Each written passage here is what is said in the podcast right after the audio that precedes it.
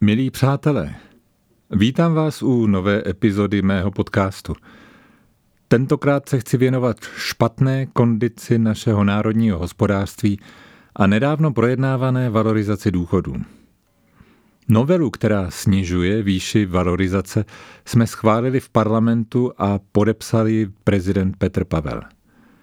Předně je třeba říci, že nejen důchodový systém, ale i veřejné rozpočty v naší zemi jsou z finančního pohledu dlouhodobě těžko udržitelné.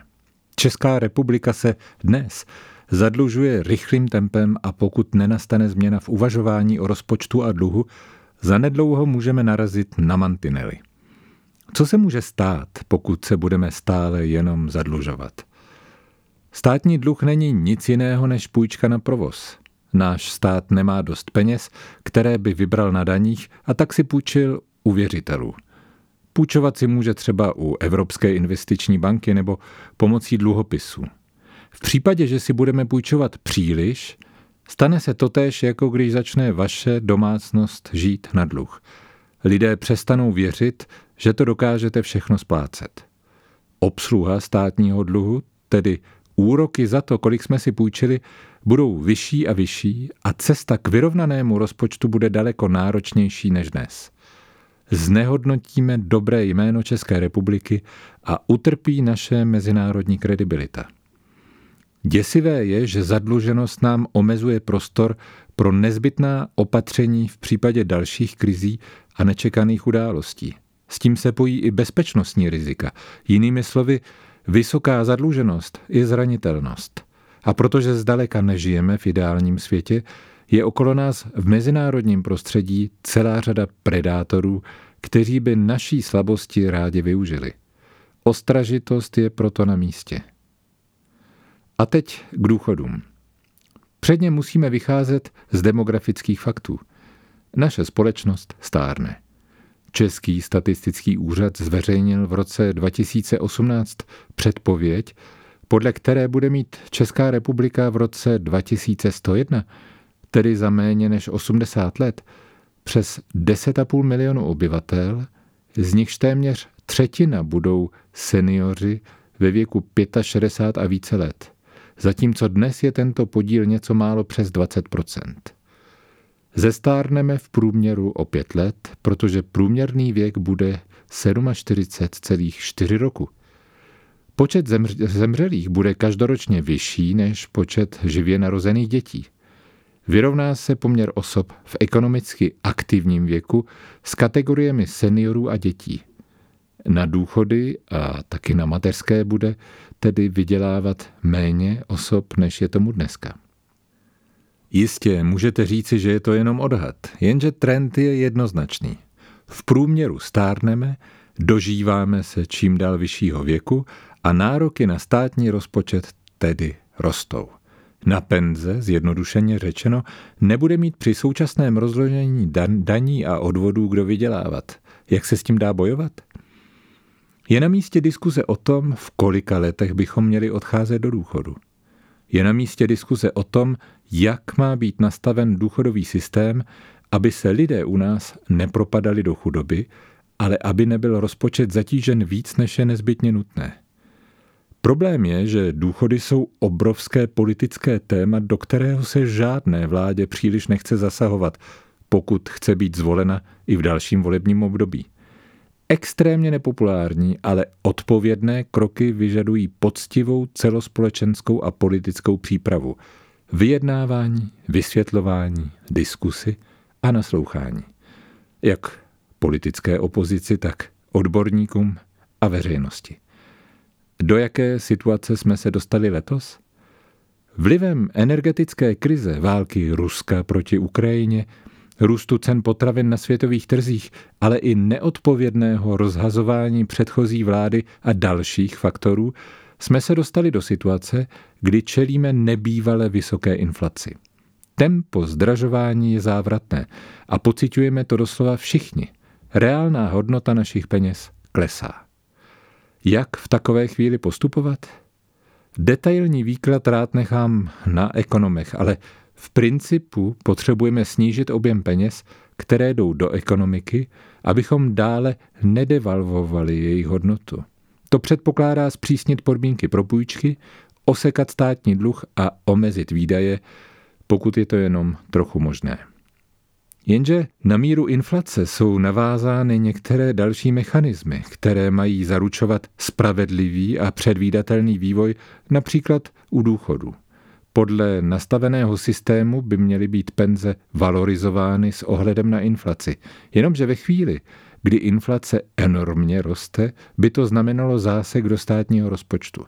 Znamenalo by to také rozdat více peněz na důchodech, což by byl v konečném důsledku proinflační, nikoli protiinflační krok.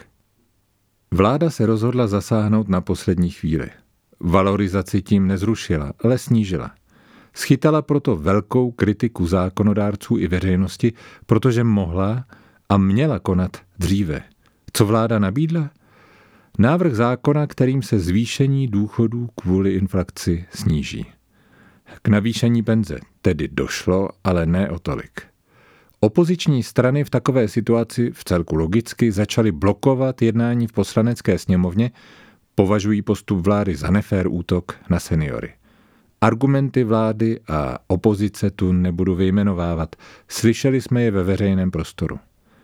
Aby se v takové situaci vládě vůbec podařilo návrh přijmout, rozhodla se vyhlásit stav legislativní nouze. To je výjimečný krok, ke kterému je možné se uchýlit ve vymezených případech, jako je živelná pohroma, ekologická nebo průmyslová katastrofa, nebezpečí ohrožující vnitřní pořádek a bezpečnost nebo podobně.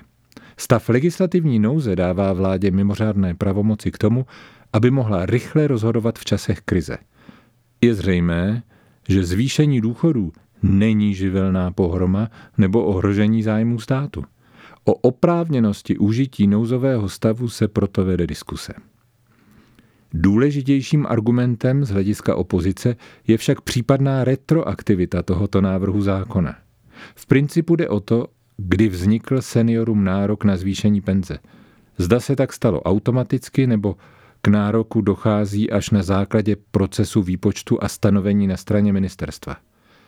Opoziční strany oznámily, že pokud zákon projde parlamentem, obrátí se na ústavní soud, aby o ústavnosti rozhodl. To je důležitý parametr, se kterým jsme počítali při projednávání v Senátu. Vedli jsme dlouhou diskusi o tom, zda je nebo není tento návrh zákona spravedlivý, přiměřený, akceptovatelný a mravný. Mluvíme přitom o snížení výdajů o desítky miliard. Podle původního výpočtu by stát vydal na valorizaci důchodů v letošním roce 34,4 miliardy a 58,8 miliardy příští rok. Podle vládního návrhu by se výdaje zvýšily pouze o 15 miliard letos a 25,8 miliard příští rok. Vládní návrh tak ušetří státu během dvou let přes 52 miliard. To je důležitý a odpovědný krok, který jsem svým hlasováním podpořil. Musel jsem ale při svém vystoupení upozornit na celou řadu problémů. Tady jsou. Za prvé, zmizel étos vyrovnaného hospodaření. Dříve to byly vlády vedené právě ODS, která je dnes ve vládě také silně zastoupena, kdo prosazoval vyrovnané hospodaření státu. Dnes vyrovnaný rozpočet státu potřebujeme, ale nikdo se k němu nehlásí. A to je hrubá chyba. Za druhé, prohloubení deficitu by mohlo být oprávněné, dali o deficit prorůstový. Ale to není náš dnešní případ. Obecně tedy záleží na tom, co s těmi penězi uděláme. Zda je budeme projídat, nebo je investujeme do rozvoje našich budoucích kompetencí. My je projídáme. Projídáme budoucnost a to je špatně. Za třetí, Národní rozpočtová rada mluví lapidárně. Pokud jí budeme naslouchat, tak připustíme, že je potřeba škrtat na výdajové straně. To bude vyžadovat velkou politickou odvahu. Zatím nevidíme ani předběžné návrhy na tyto škrty a přitom včera bylo pozdě. Za čtvrté, zároveň bude nutné navyšovat příjmy, tedy upravit systém našich daní, Národní rozpočtová rada totiž už dnes informuje o tom, že obsluha státního dluhu v roce 2022 byla téměř 50 miliard korun. A saldo státního rozpočtu bylo více než 350 miliard. Za páté, také ze zahraničí zaznívají zcela jasná doporučení. OECD, tedy Organizace pro ekonomickou spolupráci a rozvoj, ve svých pravidelných zprávách a doporučeních říká, že náš hospodářský model není udržitelný, protože vysoké investice do energetiky, do dekarbonizace naší ekonomiky a další vyžadují úplně nový přístup k naší daňové soustavě. Dále připomínají nepřipravenost našeho daňového systému na digitalizaci ekonomiky nebo na stárnutí obyvatel.